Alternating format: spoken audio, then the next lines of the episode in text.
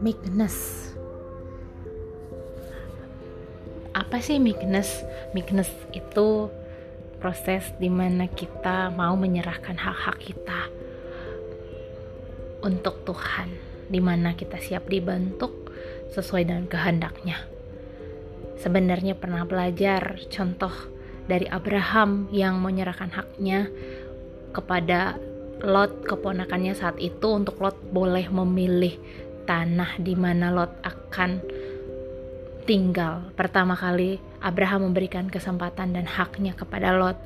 Tapi kemudian sadar bahwa contoh terbaik dan termulia dari meekness adalah Yesus sendiri, di mana Yesus yang dalam rupa Allah mau menyamakan dirinya bahkan merendahkan dirinya dalam rupa seorang hamba saat turun ke dunia. Tidak menganggap hak kesejajaran dengan Allah itu sendiri sebagai hak yang harus dipertahankan.